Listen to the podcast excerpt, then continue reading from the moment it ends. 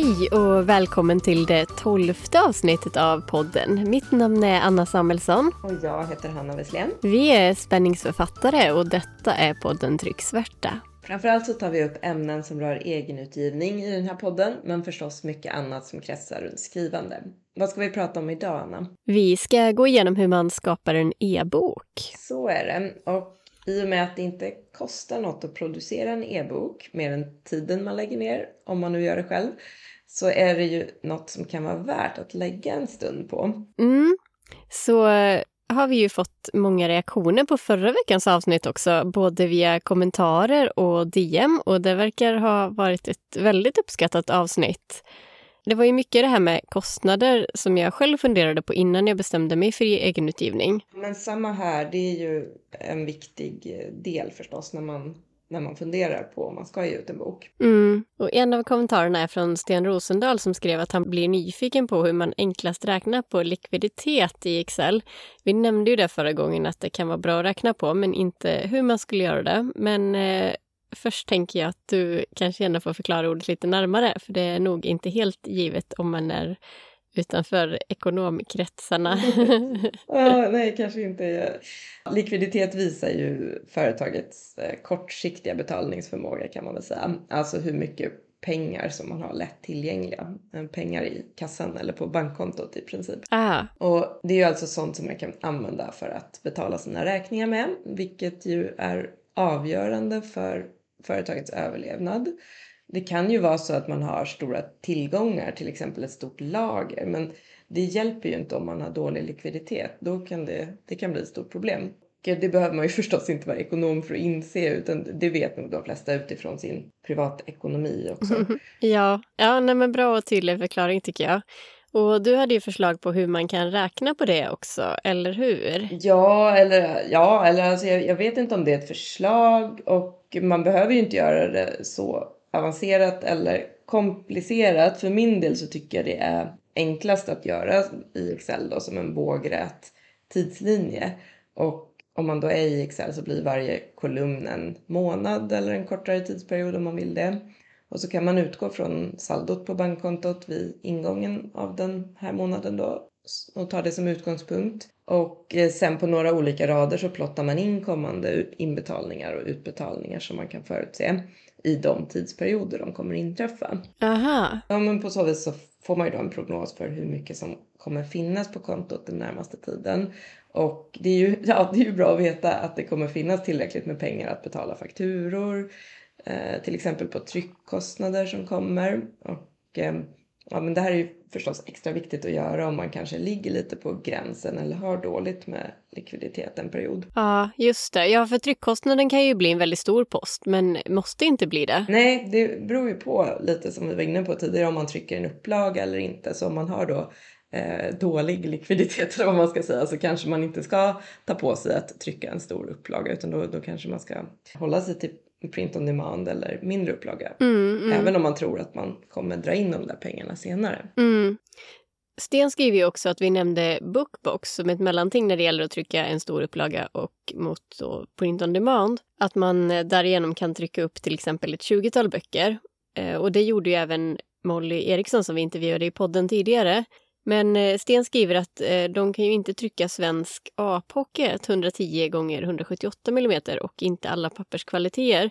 Vilket gör att han då måste ändra ryggens bredd på alla omslag för att trycka sina storpocket där. Ja, det stämmer ju. Bredden måste vara minst 125 mm enligt deras hemsida. Och det blir ju synd om man först då har tryckt en stor upplaga och sen vill trycka vidare genom den tjänsten.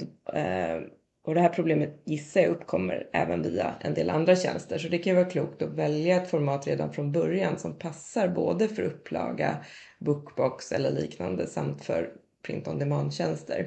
Och även trycka på en papperskvalitet som är vanlig och finns överallt eller åtminstone på flera ställen. I alla fall om man nu vill hålla andra alternativ öppna i framtiden för just den boken utan att behöva göra ett nytt format. Ja, för visst är det trist att få göra om arbetet med både sättning och omslag. Och det är ju inte så lätt att tänka på allting från början heller. Nej. Men man bör ju vara medveten om risken då, då om man väljer ett format som inte finns på de här tjänsterna. Ja, ja men bra tips eh, Sten. Jag tänkte inte på det själv när jag gjorde min så jag får väl se hur det blir senare med det. Ja, nej det tänkte inte jag på heller eh, när jag valde format. Mm. Han skriver vidare att det finns sätt att få ner den initiala kostnaden och att det går att trycka relativt små upplagor, till exempel från 300x på Books Factory, billigare med digital tryckteknik. Och om man också väljer det billigaste pappret, skriver han då. Eh, han har ett exempel också där han jämför med Publit, även om det är en annan papperskvalitet där. Ja, men just det. Man måste ju kanske inte ha ett exklusivare papper eller man kanske inte vill lägga pengar på det och då eh, ska man inte göra det heller. Nej, så det är absolut ett sätt att få ner kostnaden. Pappret kan ju bli tunnare, mer genomskinligt och inte falla ner lika bra sådär. Men vid en bokutgivning måste man ofta kompromissa och då är ju det ett alternativ. Ja, ja men så läs gärna hela Stens kommentar på vårt inlägg på Instagram. Det ligger under bilden med avsnitt 11. Så Hanna, idag är det ju nationaldagen. Just det, tänk att det redan är juni. Ja, vad har hänt på din front sen sist? Jag har redigerat klart den här novellen som jag har tjatat om i ett halvår. Ehm, och nu har jag skickat den till några testläsare också. Ja, oh, vad roligt. Ja, eh, det är jättekul. Men eh, så sliter jag mitt hår nu då för att göra ett omslag. Och det här blir ju bara en e-bok så det är passande för det här avsnittet. Mm. Och eh, därför är ju omslaget lättare än en tryckt bok som har både framsida och baksida. Men ändå, det är inte lätt för mig att lära mig Indesign och Photoshop. Så ja, det är tur att jag har dig att fråga. ja, nej, men det är verkligen inget program som man lär sig på några timmar. Det finns ju oändligt med funktioner. Ja, det ska bli jättekul att se hur den blir. Ja, eller inte. ja, jo, nej men det, det, måste bli bra på något sätt till slut. Ja, det tror jag. Uh, ja, um, så håller jag ju på att vänta fortfarande på lektörsutlåtandet. Under tiden har jag pysslat med lite annat och um, jag har skrivit några utkast till baksidestext till uh, brickan i spelet. Mm. Alltså uh, manuset som är hos lektör. Och eh, så väntar jag med spänning på själva utlåtandet. Ja men kul, får man möjligen höra ett utkast? Ja, eh, absolut. Nu får du tänka på att det här inte är färdigt. eh, jag, ska, jag tänker att jag ska ställa några olika förslag mot varandra och ta in åsikter från andra och så innan det kan liksom anses som klart. Ja, det behövs ju ofta. Men eh, ja, kör ändå. Ja, absolut. Jag kanske, kanske borde ha förberett mig, men här, här kommer den i alla fall. I en avlägsen by i Nepal har en framstående forskare gjort en banbrytande medicinsk upptäckt som lockar till sig skrupelfria aktörer. När juristen som var inblandad i medicinens distribution hittas död i en dunkel gångtunnel utanför Stockholm dras Emily Ekbergs och Marcus Ivarssons nystartade detektivbyrå in i en farlig utredning. Emily kämpar samtidigt med att lösa mysteriet kring sin försvunna pappa och äventyret leder dem ännu djupare in i nätet av skoningslösa konspirationer. I jakten på sanningen ställs de inför en ljusskygg värld där varje ledtråd kan vara avgörande och där minsta felsteg får ödesdigra konsekvenser. Följ med på en hisnande resa från Nepals dramatiska bergsluttningar till den korrumperade skuggvärlden inom läkemedelsindustrin. Brickan i spelet är den andra spänningsromanen i trilogin Nepalsviten om karatemästaren Emily Ekberg och journalisten Marcus Ivarsson. Mm. Så ja, någonting sånt. Som sagt, den är inte helt klar än, men det här är en arbetsversion. Ja, men så spännande att höra och ja, det ska bli jättekul att läsa fortsättningen på det här med Emelies pappa också, för där fick man ju inte veta jättemycket i sprickan i fasaden utan det var ju mer fokus på annat. Ja men precis, det, den eh, frågan eller den eh, tråden fortsätter i den här boken och kanske har ja, men lite större utrymme i den här boken skulle jag säga. Ja, vad roligt. Ja, ja men eh, som sagt jag kommer säkert ändra någonting i, eh, i den här baksidestexten men det är skönt att ha ett utkast i alla fall. Och eh, tänker lite det här med split-testing, jag vet inte om du har hört begreppet. Men, ja, jag förstår vad du ja, menar. Men du vet, man visar två olika versioner för några personer och så ser man vilken de gillar bäst. Och så där. Men eh, vad har hänt för dig på sista tiden då? Jag har kommit vidare i mitt manus. Jag skulle nog säga att jag är halvvägs nu i råmanuset, eller snart i alla fall då. i antal ord räknat. Åh, oh, vad kul. Bra jobbat. Ja, men det känns skönt. Blir den eh, samma längd ungefär som förra boken, tror du? Jag siktar på det. Det kändes mm. rätt så lagom. Ah. Sen är det svårt att veta i och med att det är ju halva boken kvar och sådär. Men tidsmässigt känner jag att jag kortar ner redigeringsdelen i det här manuset jämfört med det förra. För det blir bättre under tiden jag skriver än vad det förra blev. Och jag kanske, jag kanske har lärt mig av misstagen eller något. Ja, men kul att du märker en skillnad mellan den här och statisterna. Jag förstår vad du menar. Jag tycker också att jag märker av det när jag skriver nu på andra boken. Mm, ja, men det är trevligt att veta att man utvecklas rent språkligt. Och jag hoppas det märks även på den färdiga versionen. Mm, ja men det är väl som Kristina Svensson sa att man blir oftast bättre ju fler böcker man skriver så den andra borde ju bli bättre än den första rent tekniskt. Men jag tycker att ditt språk var väldigt bra redan i den första boken. Ja, vad kul att du tycker det. Ja, nej, men jag tror att jag har handlingen också mer renskalad nu. Jag tyckte i och för sig inte att jag hade med onödiga bitar förra gången heller, för de tog jag faktiskt bort. Men, och att det tillförde story någonting, allt som jag skrev och eller då karaktärsbyggandet. Men den här gången behöver jag inte bygga karaktärerna lika mycket eftersom de redan har presenterats mycket i statisterna. Så då blir det mer fokus på själva handlingen istället. Ja, det är ju fördelen med uppföljare måste jag säga. Ja, sen är det ju för sig fokus på lite andra karaktärer i den här boken, delvis åtminstone, så deras personlighetsdrag får jag ju ta fram. Men kanske blir det lite mindre, man ska säga skruvat, för att de här karaktärerna som är i den här uppföljaren enklare skulle smälta in i en grupp än vad vissa i första boken gjorde. Mm, ja, kanske inte förstå någon vem du menar, men det, det, låter intressant. Jag skulle nog inte kalla det skruvat i den första heller, men det beror väl på vad man läser in i det ordet kanske. ja, nej men kanske inte. Ja. Uh, men eh, vad säger du, är det dags för veckans tema? Ja, vi kör igång helt enkelt. Brukar du läsa e-böcker, Hanna? Ja, ja, men det brukar jag faktiskt. Jag tycker allra bäst om att läsa en fysisk bok, men därefter så är mitt eh, förstahandsval e-bok. Och eh, dessutom, jag tycker det är smidigt att ta med en läsplatta istället för en hög med böcker om man åker någonstans. Och eh, ibland om man av någon anledning inte kan ha läslampan tänd eller så, så är det ju också smidigt med e-bok.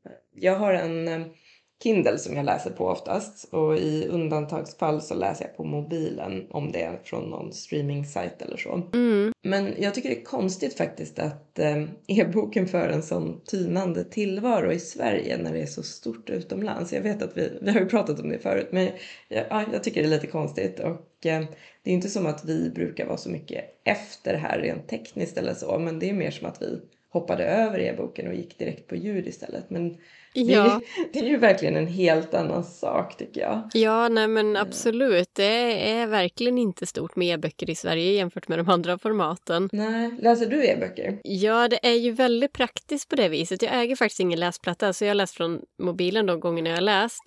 Eh, men jag skulle föredra en läsplatta framför kanske tio böcker på semestern även om jag aldrig lyckas läsa så många under en semester. Jag brukar skriva dagbok när jag reser istället och det tar upp nästan hela fritiden. Ja, ah, men det är kul med dagbok. Ja, det är det verkligen. Det är kul att spara också. Men eh, för att återgå till frågan då. Ja, jag gillar konceptet, men ofta så blir det inte av nu för tiden. För det mesta är det fysiska böcker hemma och om jag är på en resa så har det blivit mer ljudböcker. Framförallt för att jag samtidigt kan sitta och vila bekvämt, eh, inte behöver hålla i någonting och även blunda samtidigt. Eh, tidigare i våras läste jag fler e-böcker men nu har jag faktiskt gått över till ljudbok. Ah, jag förstår. Ja, men det är i och för sig sant. Särskilt om man är så på en solsemester eller något och ska sola. Då är det ju väldigt praktiskt att eh, lyssna istället för att läsa. Men man ska väl inte ligga för länge så i solen i vilket fall. Kanske. Nej. Men om vi går över till vad en e-bok är för någonting då? Mm. Jag tror ju att eh, du som lyssnar då vet ju vad en e-bok är, hur den ser ut och sådär. Och kanske har du läst en eller kanske hundratals. Men eh, det som inte är självklart är nog att det finns olika format. Ja, men just det. Och, ja, vi kommer gå in på det lite senare kanske i programmet. Men vi eh, tänker ju här att vi utgår från det flödande EPUB-formatet som ju är det vanligaste. Ja, och vi kanske kan gå in på vilka inställningar och ändringar som behöver göras från att man har sin text då i programmet. Du använder ju Atticus för att omvandla den vanliga texten till EPUB. Hur, hur gjorde du där i det programmet? Ja, men det, det var väldigt enkelt. Man, man kan från programmet då exportera det man har skrivit antingen i ett Word-dokument eller i en pdf. Och det är ju pdfen som man använder som tryckfil sen om man trycker en bok. Eller så kan man exportera som en EPUB-fil. Så jag gjorde i princip inget alls faktiskt. Det var den största fördelen med det här programmet. Mm. Det var så enkelt. Och ja, ni som har lyssnat på avsnittet om sättning och inlaga vet ju att jag hade några saker kring den tryckta boken som jag kämpat lite med. Men e-boken gick verkligen smidigt. Ja, så skönt. Gjorde du några formateringsändringar i själva texten? Nej, inte vad jag kommer ihåg. Jag gick in i programmet nu inför att vi skulle spela in och så försökte jag dra mig till minnes om jag gjorde någonting egentligen. Men det var verkligen inte mycket val som behövde göras eller formatering eller så, utan det, det var väldigt eh, enkelt. Ja, det låter ju väldigt smidigt. Ja, ja men programmet var väldigt, eller är väldigt intuitivt och eh, jag hade kunnat bara trycka på en knapp i princip. Nu valde jag att ändå göra en kopia av själva projektet och ta ut en EPUB från kopian, men det var inga justeringar som behövde göras egentligen. Det var att jag hade petat in några bindestreck på en del ställen när jag kom på den här hacken som jag höll på, höll på mm. med till den tryckta.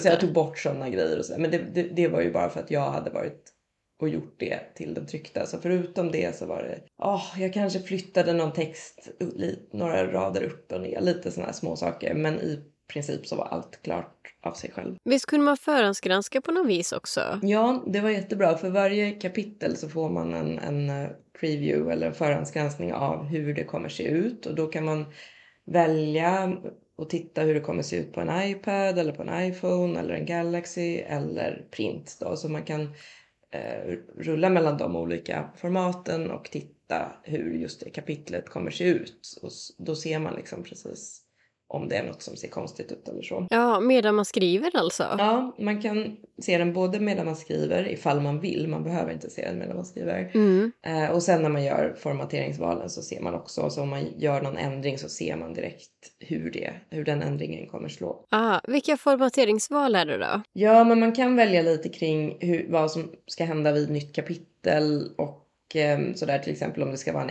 eller om det ska stå chapter one eller vad det ska stå och sådär. Mm. Eh, men där tog jag bara samma som i den tryckta boken så det var inget jag fixade med där till e-boken. Eh, och den enda rutan som jag kommer ihåg att jag bockade ur, det var den här med avstavningar eh, som jag bockade ur då till e-boken. Ja. Men eh, hur gjorde du? Jag jobbade i Indesign och tog först bort alla anfanger, alltså den där nedsänkta bokstaven som jag har i början av varje kapitel i den tryckta boken.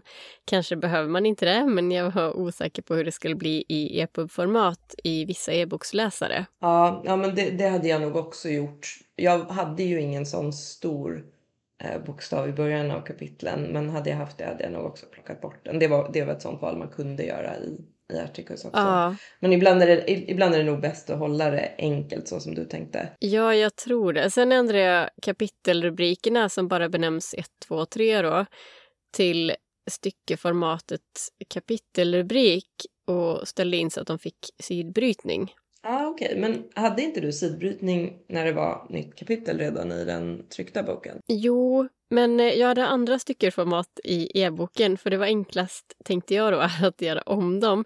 För jag vill inte sabba den tryckta bokens egna styckeformat utan behålla dem eh, med den layouten som de hade om jag någon gång trycker en upplaga till. Så jag skapade särskilda styckeformat för e-boken och då fick jag ge även dem sidbrytning. Ah, Okej, okay, okay. och vilka eh, textmässiga förändringar gjorde du? Ja, jag hade ju börjat kapitlen halvvägs ner på sidan i den tryckta boken och det tog jag bort här och började direkt under ja, kapitelnumreringen. Mm, ja, men just det. Det där tror jag blev automatiskt för mig. Det var inget jag gjorde någonting med. Ja, smidigt. Jag önskar ibland att det hade varit mer automatik i Indesign men samtidigt gillar jag att man kan styra som man vill. Ja, ja men som vi har konstaterat, det är ju verkligen fördelar och nackdelar. Men, men eh, vill man kunna ha väldigt många alternativ så är ju Indesign helt klart mer liksom flexibelt än vad Atticus är. Ja, absolut. Var det några problem som dök upp då när du gjorde e-boken? Ja, eh,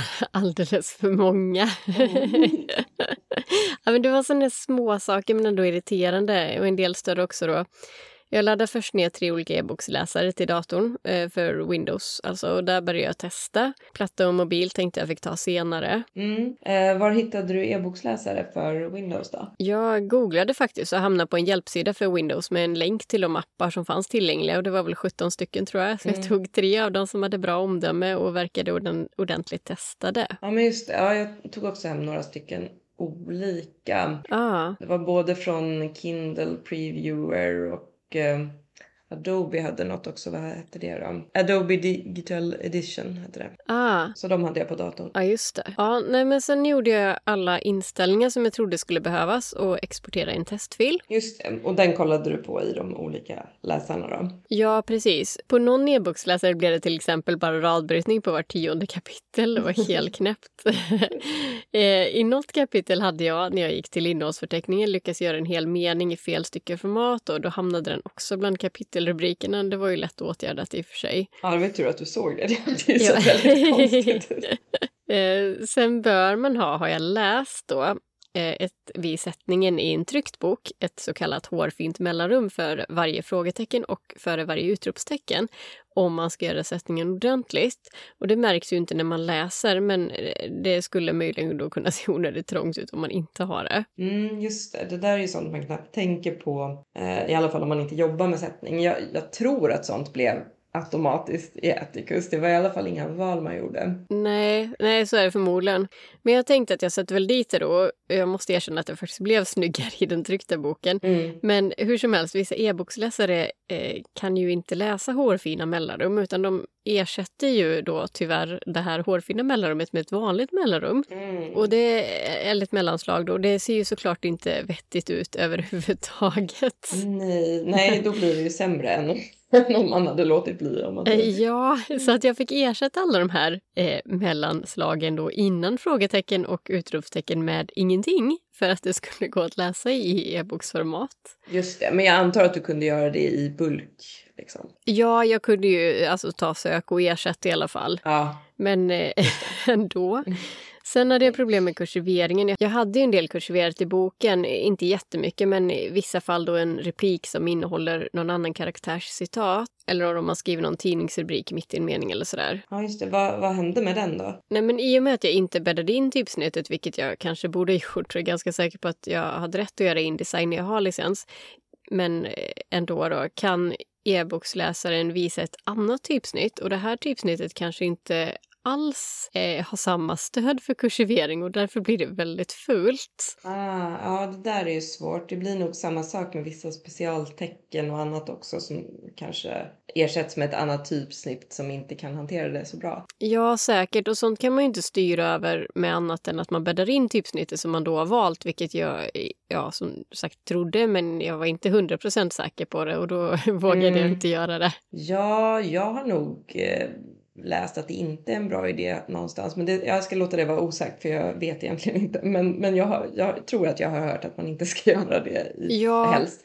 Men om man ska göra det så, så har du ju såklart väldigt rätt i att man måste kolla upp om man har lov att göra det med licenser och annat. Och, ja, det kanske kan bli dyrt också att köpa ett typsnitt för inbäddning, det vet jag inte. Jo, men det kan det. Vissa typsnitt i alla fall. Mm. Och sen kanske läsaren ändå föredrar att läsa ett eget typsnitt eller vad man ska säga, ett speciellt typsnitt. Eh, men det tror jag i och för sig att man kan göra även om man bäddat in det. Mm, okay. Men eh, ja, det där är lite utanför eh, Utanför mitt kunskapsområde egentligen. Ja, mitt också. Jag kommer nog inte i första taget tänka mig att bädda in något sådär utan jag, jag tycker det var väldigt skönt, eller det var väldigt enkelt att göra e-boken tycker jag. Mycket enklare än den tryckta boken. Men det är klart, om man verkligen vill att boken ska se ut på ett speciellt sätt och vara formaterad på ett speciellt sätt, då kan det ju bli svårare eftersom man inte helt styr. Liksom. Nej. Eh, men ska vi nämna det här med, med andra programvaror också kanske? Ja, det gör vi. Vi har ju inte använt de här programmen själva, men vi kan börja nämna LibreOffice som är ett gratisprogram och som jag förstod det när jag läste användarhandledningen här innan då,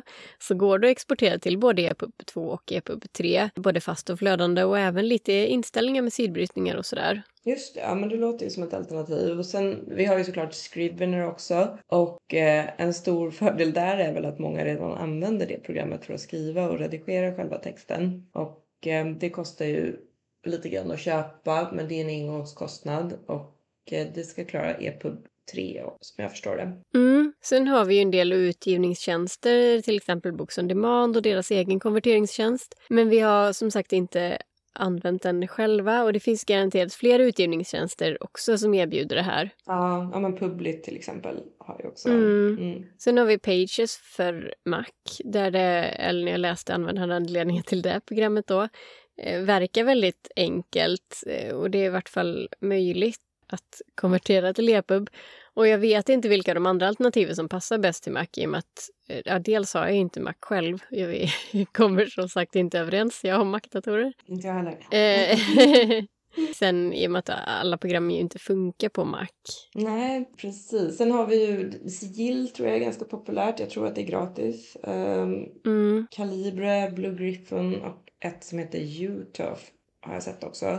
Och tror det sista funkar både för Mac och PC. Och det gör även Atticus faktiskt. Mm. Mm. Sen så gör ju eh, Draft to Digital en gratis eh, konvertering till EPUB om man använder dem. Och man måste inte publicera den där då heller vad jag förstår. Utan tror man får den filen gratis och kan liksom använda den. Ah. Men det har jag, jag har inte testat det själv så jag ska inte vara helt säker. Men det är så jag har förstått det i alla fall. Och då, då ska det gå väldigt enkelt om man har en Word-fil eller någon annan fil då, som man importerade bra. Och eh, de har ju också ett bra valideringsverktyg till EPUB-filer. Ah, ja, men det finns som sagt några stycken och läs gärna på lite om de olika programmen, vad de kostar och hur de funkar, omdömen och sådär.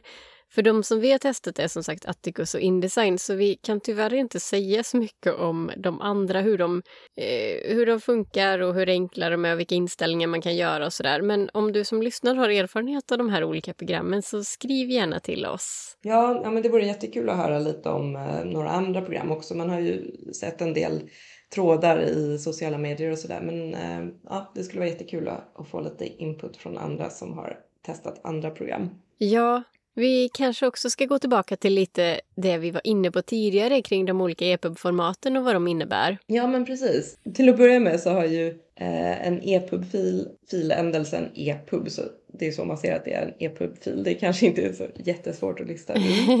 eh, men, och det är ju då en förkortning för Electronic Publication som jag förstår det. Och det är då en öppen standard för e-böcker. Ja, det låter ju rimligt. Jag hade faktiskt inte reflekterat över vad det stod för förut. Nej, jag har för mig att jag läste det någonstans utan att ha fördjupat mig allt för mycket. Och eh, som du var inne på tidigare så har vi både ett flödande format och så finns det också ett fast format. Just det, och när det gäller det fasta formatet passar det egentligen bäst för böcker med text bilder eller grafer eller vad det kan vara. Medan för en vanlig roman med enbart text kan det ju vara en fördel att välja det flödande formatet. Precis, jag tror det flödande formatet är ju det absolut vanligaste. Och för i det fasta formatet så är ju text och bilder fasta och flyttar inte på sig beroende på hur skärmen ser ut. Och det blir ju svårare att läsa på det viset. Eventuellt om man läser på en liten telefon till exempel. Men som författare så kan man styra mer. Och det blir liksom som en tryckt bok fast i digital form eller vad man ska säga. Men jag har inte testat varken att läsa eller att göra en sån bok vad jag vet. Har, har du det? Nej, men å andra sidan har jag läst skönlitteratur i e-boksformat eh, enbart då och då är det ju normalt ett flödande. Mm, samma här, jag har läst skönlitteratur och eh, fackböcker, alltså mycket skrivhandböcker och sånt har jag läst i e-boksformat, men de är ju också flödande. Ja, men det här med flödande format då, det innebär ju också att ja, men innehållet flödar ju istället för att vara statiskt. Och då kan läsaren välja typsnitt själv och hur stora bokstäverna ska vara och var marginalerna ska finnas och mycket annat. Ja, men precis. Och jag tänker, det är ju till exempel så att sidorna ser ju såklart olika ut och beroende på om man läser på en mobil som har en liten skärm eller en platta med en större skärm. Jag kommer ihåg första gången jag läste en e-bok, det var ju ja, det är över tio år sedan nu måste det ju vara, men jag blev irriterad över att det inte fanns några sidnummer. Men det är just därför att sidorna ser olika ut så det, det funkar ja. inte med. Nej men precis så är det ju. En sida är ju olika lång om läsaren väljer typsnitt storlek 10 jämfört med 30. Exakt. Men eh, ja, om vi kommer in på det här med versioner då. EPUB 2 har ju funnits ett bra tag nu men vi har ju även EPUB 3. Och det är alltså EPUB 3 där man kan göra eh, ett fast format istället för ett flödande. Men även EPUB 3 har flödande format. Mm. Eh, men, men fast format kan ju då som sagt vara en fördel om man till exempel har mycket bilder och vill ha en speciell layout. Just det. Men förut hade Amazon också en annan typ av fil eh, eller format och det heter Mobi. Men de har också gått över till EPUB nu sedan en tid tillbaka. Ah, ja, men jag har ju hört namnet. Mm. Ja, precis. Ehm, jag har en del sådana filer på min Kindle-platta då sen tidigare. Men jag, ah. som läsare märker man ingen skillnad, eller jag märker ingen skillnad i alla fall. Nej. Nej. Men vilken, vilket format är din e-bok som du har gjort då? Är den EPUB 2 eller EPUB 3? Jag uppfattade det ju inte som att jag faktiskt kunde välja Indesign för jag googlade verkligen försökt leta efter mm. det och hittade ingenting. Men det borde man ju rimligen kunna. Men eh, jag tror att det blev EPUB 2 i alla fall då, mm. för att det var det enda jag hittade. Ja, eh, din då? Men jag hade också svårt att hitta. Jag hittade ingenstans där man kunde välja så jag mejlade faktiskt kundsupport och frågade vilken typ av fil det är för jag ville veta. Och eh, det är en EPUB 3 då. Mm. Och det är det enda möjliga med Atticus, eh, de har inga alternativ för EPUB 2 och jag tror inte heller att man kunde göra något fast format men det, det letade jag inte heller efter i och för sig men jag tror inte att det fanns något sånt. Nej just det. Eh, och som jag förstår det så accepterar ju de flesta plattformar där man ska ladda upp eh, accepterar både EPUB 2 och EPUB 3 men EPUB 3 är ju då förstås ett, ett nyare format. Mm. Men har du haft några problem när du har laddat upp filen till eh, distributörer eller plattformar? Nej, det har jag inte. Å andra sidan så tror jag att det är EPUB 2, eller ganska säker på att det är mm. det. Och jag tror ändå att det är väldigt vanligt, eller är det vanligaste? Mm, mm, eh, absolut. Nej, men jag har, har varit det väldigt länge i alla ja, fall. Nej, men jag har inte heller haft några problem alls. Jag har laddat upp på ganska många ställen och det har aldrig varit några problem. Så vi kan väl dra slutsatsen då att det funkar bra med både, just nu i alla fall funkar det bra med både EPUB 2 och 3. Ja. Men om vi ska ta upp ett par fler skillnader mellan formaten nu också då. Ja, för EPUB 2 klarar ju av text och bilder och innehållsförteckning, illustrationer och sånt då. Men i EPUB 3 kan man ha mer interaktivitet och även ljud och video och det kan ju vara väldigt intressant i vissa typer av böcker. Ja, absolut. Det kan ju vara jättebra eller kul med video i en kokbok kanske eller ljud i en barnbok Eh, till exempel om man vill höra hur ett lejon låter eller sådär. Ja. Eh, men jag måste säga, jag har aldrig sett eller stött på en e-bok med sådana specialfunktioner. Det kanske inte är så vanligt än. Nej, det har jag inte heller gjort. Å andra sidan har jag inte läst några barnböcker eh, eller kokböcker i EPUB 3-format. Eh, men det är bra tips till er lyssnare kanske som eh, är författare om det nu inte finns några lejonböcker med ljud redan. Då kan du vara först där. Eh, men även fackböcker då, där kan man ju kanske ha med, ja, mm, jag vet inte, flygvideos över någon skog eh, eller uttal av dialekter eller vad man nu skriver om. Ja men precis, användningsområdena känns ju obegränsade och i e-bok så kan man ju också, mm, den vanligaste är väl att man har ändå hyperlänkar till externa källor som, om man vill länka till något som läsaren kan klicka sig fram till. Ja, man kanske har en egen hemsida om samma sak som man skriver sin fackbok eller kokbok eh, om och inte får plats med all information i boken. Man kanske har eh, tio andra recept på kladdkaka men bara vill ha med ett enda i kokboken eller en lång berättelse om eh, tigrarnas rovdjursinstinkter och väljer att inte ha med all den informationen i boken. Och då är det perfekt att kunna länka.